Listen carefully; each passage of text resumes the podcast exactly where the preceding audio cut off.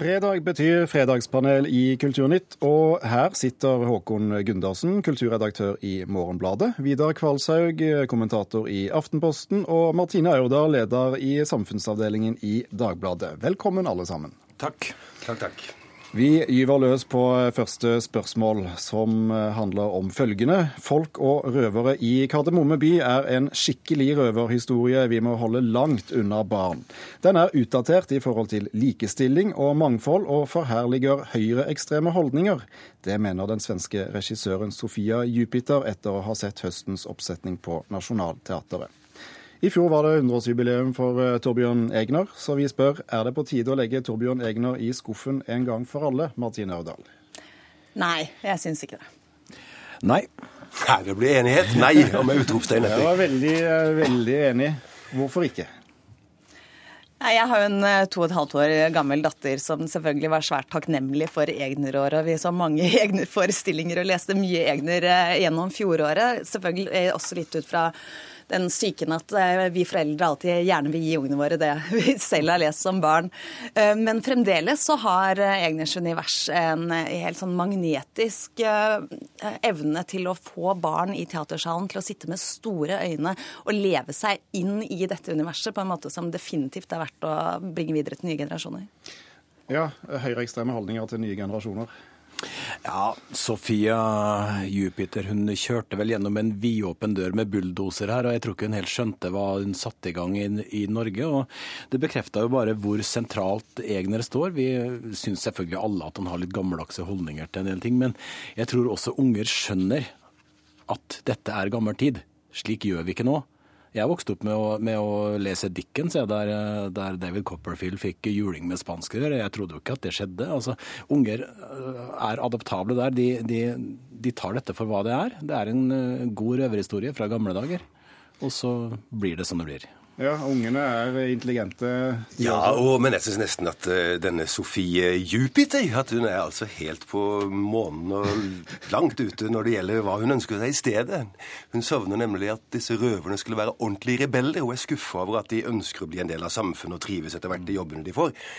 Hun savner heltene som promper i kirka og spiser is til middag og sånn, skriver hun. Og det er jo akkurat den typen sånn barnebøker og filmer som det er altfor mye av for tida, hvor de voksne er dumme og, og, barn, og klønete, og barna er smarte, og, og vi heier på de tullingene, på en måte. Må jo det si at kriminalomsorgen hos Egner fungerer? Ja, ja, absolutt. Det er forbilledlig. Så at det er utdatert, det er egentlig bare et, et pluss. Ja, men er det Det går og går, dette stykket på teatret landet rundt uh, nesten hele veien, virker det som. Hva, er det noe der vi kan ta med oss uh, og gi ungene, eller er det bare en fin, artig, morsom historie? Det er jo mange måter å lese denne moralen i Kardemomme by på tydelig vis, skjønner jeg, etter å ha lest Sofia Jupiters kreative politiske lesning. Når hun leser høyreideologi, så inn i kardemommeloven, så er jo det akkurat kardemommeloven som er blitt kjent som liksom selve mantraet til norsk anarkisme gjennom alle år før det. Og man kan jo som Vidar Kvalshaug også har påpekt, lese Kardemommebys historie nettopp som hvordan røverne og tante Sofie og alle inkorporeres i det store norske samfunnet. Ja, og til å være svensk så, jeg ikke, så hadde jeg ikke våga å komme hit og si at Norge marsjerer i takt. For det kan de sannelig godt sjøl. og når det gjelder kjønnsroller og sånt, noe som eh, Sofie Jupiter reagerer på, så er det jo ikke egne som er problemet, men da syns jeg det et ettermiddags-TV som Disney Channel serverer. Mm. Der blir jeg opprørt, mm. som hun er overfor Egner. Men NRK Super er jo veldig bra. Det. Ja, det som har yngre barn. Ja. Du får ikke lov til å disse NRK Super. Nei, det gjør jeg slett ikke. Men i det hele tatt, vi kan ha større tro på ungene våre enn det Sofia Jupiter tydeligvis har. Hvis ikke så må jeg i hvert fall frykte at dattera mi snart kommer til å hoppe ut av vinduet for å fly som Peter Pan, og at hun tror at hun kan blåse mm. vinter som danserne på Dansens Hus, eller at hun kommer til å dingle i taklampa i morgen, sånn som Pippi Langstrømpe. Ja, Pippi og Karlsson på taket er jo definitivt svenske, så de har, har noe, de også. Men, men, er kanskje det forklaringen at hun er svensk, rett og slett, og ikke kjenner uh, samfunnsforholdene våre? Hun er jo erfaren i dette gamet med å både forstå barn og lage ting for barn, så jeg tenker at hun hadde vel et øyeblikk der hun ikke skjønte med hva slags kraft hun skulle dra på med. tenker jeg. Altså, eh, noe av det hun sa kunne vi ha sagt om Pippi og kommet unna med det i Sverige, men vi, vi kunne virkelig ikke ha, ha, dratt på så hardt og vente og, og at det her ikke skulle få noen debattkonsekvenser. Vi skal eh, bytte tema i Fredagspanelet. I går var det nemlig full jubel da det ble klart at Kon-Tiki er nominert til Oscar for beste utenlandske film. Søndag kjemper den også om en Golden Globe, og filmen er også nominert til den britiske filmprisen BAFTA. En real vitamininnsprøytning for den norske filmbransjens eh, selvbilde, men vil det bety noe for norsk film når sirkuset er over? Det håper jeg virkelig ikke. Ja. Ja, her må jeg stille meg litt i, imellom. Ja, jeg tror det kommer til å ha betydning, men ikke alt kommer til å være bra. Da tar vi det kronologisk her. Ja, nei, Jeg syns bare den filmen var så dørgende kjedelig. Så eh, all ære, og man må si hurra for at de blir nominert. Men det endrer jo ikke min oppfatning av filmen som uendelig kjedelig. Jeg ville heller ha sett Stillehavet minutt for minutt. altså. og dessuten så har jeg alltid oppfatta Tor Heyerdahl som en stor plattenslager. Og god bare på PR. Så jeg må si at jeg undrer meg veldig over Hollywoods vurdering, men det Litt oppskrytt, rett og slett, dette. Fremdeles god på PR, altså. Men Ja, Er det PR som er stikkord her, kanskje? Ja, så Det er klart at oppmerksomheten eh, rundt både nominasjonen eh, og filmen gir selvtillit hos eh, norsk filmbransje. Og det er jo positivt i seg selv. Men jeg tror nok at de følgene som dette kan få, ikke nødvendigvis er bare bra. Vi har allerede en tendens der store deler av norske filmmidler går til de største produksjonene. Og hvis den trenden blir forsterka ytterligere av dette, så kan vi få mindre interessant norsk film i åra framover. Jeg svarte et um, veldig tydelig ja, ja, fordi jeg tenker at nå har norsk film stort sett handla om tildelinger, tildelingskrangel, kvotering, kvoteringskrangel, og så endelig så kommer det en, en pris som vi forstår noe av. Og da tenker jeg den selvtilliten og den entusiasmen som dette må føre med seg, jeg hadde jeg holdt på å si som en bølge innover en strand. Eh, den eh, er helt uvurderlig. Vi har, vi har ikke hatt noe, noe sånt på, på, lenge, lenge. Så vi får, vi får, glede oss over det som skjer, og så får vi se hvordan vi skal bruke det. Jeg håper iallfall ikke det får innflytelse på hvordan man skriver manus. Han Manusforfatteren her sa jo at han brukte et, noe som er helt vanlig i Hollywood, nemlig å fortegne enkelte historiske skikkelser, som denne Watzinger i dette tilfellet, fordi at uh, dramaturgien krevde det. Mm. Men da syns jeg jaggu de heller må finne på en historie selv, istedenfor å bruke noe som er i all hovedsak ellers riktig. Ja, jeg så filmen først på Det jeg er opprørende, og det kan ikke Hollywood endre på. altså. Jeg så den først på søndag, og der er jeg litt enig med deg. Han, han var kraftig fortegna, men jeg så jo at han hadde sin funksjon i historien, den fortegningen også. Men det ble ikke noe stort kammerspill, disse sykene imellom likevel? Nei, det var for lite kammerspill i den filmen, egentlig. Selv om de satt på en flåte isolert fullstendig fra resten av verden. Men eh, altså, dette er jo en eh, rimelig kommersiell produksjon med masse spesialeffekter og eh, lite typisk norsk, hvis vi kan si det sånn. Vil vi se mer av denne typen i håp om nye Oscar-nominasjoner? Ja, Det er akkurat det jeg tror vi kan få se. da. For det er klart, det er jo kult og ganske gøy at norsk uh, film som prøver å uh, gjøre mål av seg til å være nettopp den typen storslagen hollywoodsk film, faktisk lykkes i å gjøre internasjonal suksess. Det syns vi jo er gøy. Og det er jo grunn til å tro at det kommer til å inspirere andre.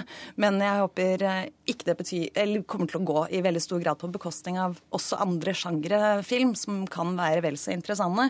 Fordi Hollywood kommer fortsatt til å være best på å være Hollywood også i året framover. Ja, så spørs det jo, Har vi egentlig noen sånne voldsomme bragder eh, siden annen verdenskrig som vi kan lage sånne filmer over? Jeg håper vi har noen større enn Heyerdahl, for å si det sånn. det er sikkert lov å sende inn forslag om dere skulle komme på noe. Um, men eh, ja, Golden Globe på søndag. Uh, Oscar i uh, slutten av februar, er det vel. Og innimellom BAFTA. blir det noen trofeer å ta med hjem her, da? Du, Jeg må bare innrømme, kjære Kulturnytt-programleder, at jeg følger ikke så mye med på disse prisene. Jeg syns det er pris- og jubileumsdrivende drevne kulturlivet, det kan andre ta seg av. Så jeg vet ikke. Nei, Det er ikke godt å si. Det, de kreftene som styrer dette, de rår ikke vi over på noe vis. Eh, får vi én av disse prisene, så er det supert, men nominasjonen var kanskje, det, kanskje den viktigste prisen av alt. Jeg skulle ønske at jeg kunne klinke til med en skikkelig saftig spådom, altså, men jeg har ikke peiling. Gjør det. Liv Ullmann har jo stemmerett i dette sirkuset, akademiet. Eh, men hva hun skal stemme, hun, kan hun ikke si, men vi kan jo prøve å, å gjette oss til det. Vi skal eh, videre til eh, Norske symfoni, Symfoniorkestre, som fylles opp av utlendinger. Og når dansekompaniet Carte Blanche eh, nå søker etter nye dansere, er det bare 14% av 500 søkere som er nordmenn. Kvotering av kvinner og etniske minoriteter skjer i eh, flere sammenhenger, men er det nå på tide å kvotere nordmenn inn i orkestrene og dansekompaniene? Jeg syns jo generelt at kvotering kan være et viktig virkemiddel i mange sammenhenger. Men det største problemet til norske dansekompanier og orkestre er jo først og fremst at det er altfor få som kommer og ser på dem utenfra de samme miljøene. Så et slags tja der, da? ja, nei. Det er et nei. nei fra meg også. Og her? Eh, nei, for spørsmålet var altså om vi skal ha kvotering. Om vi må kvotere oss nordmenn inn i Nei, da kan du få fortsette, Martine. Nei, jeg mener at uh, kunstneriske ambisjonsnivået fremdeles må være hovedkriteriet. Først og fremst for at uh, disse institusjonene skal bli gode nok til å tiltrekke seg et større publikum enn det de har i dag. Og så er det selvfølgelig en del av eksistensgrunnlaget til de samme institusjonene, og det må de også forstå, at de har en lokal tilknytning. Mm. Ja, så er jo dette toppidrett på aller høyeste plan. Altså, vi ser jo våre beste, de som er en tre, fire, fem, seks, sju stykker. ikke sant? De kan hevde seg i utlandet, men vi har sannelig ikke solgt mange klassiske artister eller solgt mange dansere til utenlandske kompanier. Og så tenker jeg det at øh, hvis det er sånn at det kommer spennende, veldig dyktige utenlandske dansere som vil bo i Norge, og bo gjerne i en mindre by for å delta i et, eh, i et eh, ensemble eller i et eh, symfoniorkester. For en ressurs. Vær så god, kom igjen. Vi må jo tro at det ikke er Europas undergang vi nå er i ferd med å bevitne, og at ikke aftenlandene går under, men at det, er, det kommer seg opp igjen sånn arbeidsmessig i Europa.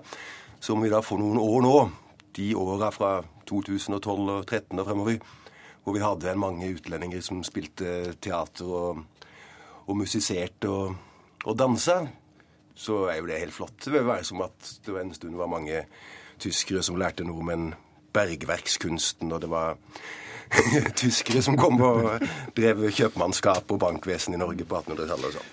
Det er et felt vi gjerne kan ha en viss kvotering av norske musikere, og det gjelder disse høyfjellshotellene, gjerne rundt påsketider. Jeg vil ha bulgarerne hjem? Jeg vil ha bulgarerne hjem. Partybulgarere. Ja.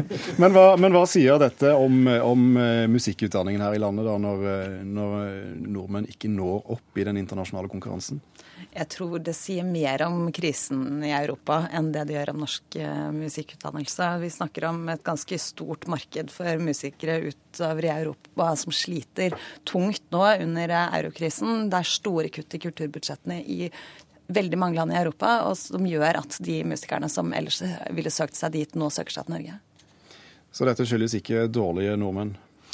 Nei, der er jeg litt enig med Martine Aurdal. Jeg ble egentlig sittende og høre på det argumentet og tenkte at hvis jeg hadde hatt det argumentet, så hadde det blitt en enda bedre fredag. Så jeg støtter meg til det hun sa. Eh, Gro eh, Harlem Brundtland sa jo det er typisk norsk å være god, men eh, det kan altså ikke forsvares å putte inn ikke der? Nei, men akkurat dette med kvotering er jo egentlig en uh, god ting, som Martine også sa. Men uh, og man kan ta det i bruk hvis dette varer og rekker. Før eller siden så må man jo bruke skattepengene våre argumentet.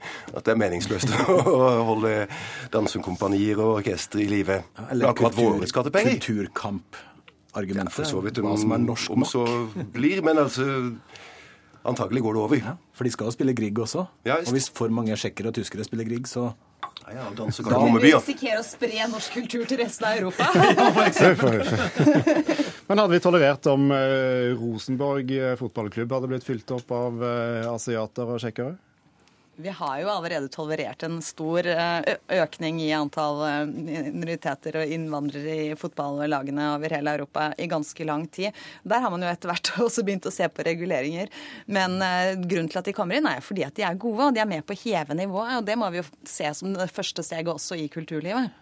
Og for deg som heier på Ålesund, så kan jo det behøves. Men det er jo spennende da, om folk kommer Men det blir spennende om folk kommer i større grad når nivået er høyt, eller om folk holder seg hjemme fordi ikke de kjenner noen, og ingen av tantene har sine jo, nieser i orkesteret. Altså, nå har du ført, uh, ført, to argumenter for hvorfor disse institusjonene også må tenke kort, på at de har en lokal tilknytning. De skal ha et, et lokalt uh, publikum, og de skal ha uh, norske skattepenger. Og da må vi si tusen takk til ukens fredagspanel. Kulturnytt er slutt. Vidar Sem, Finn Lie, Thomas Alvarstein Ove takker for i dag.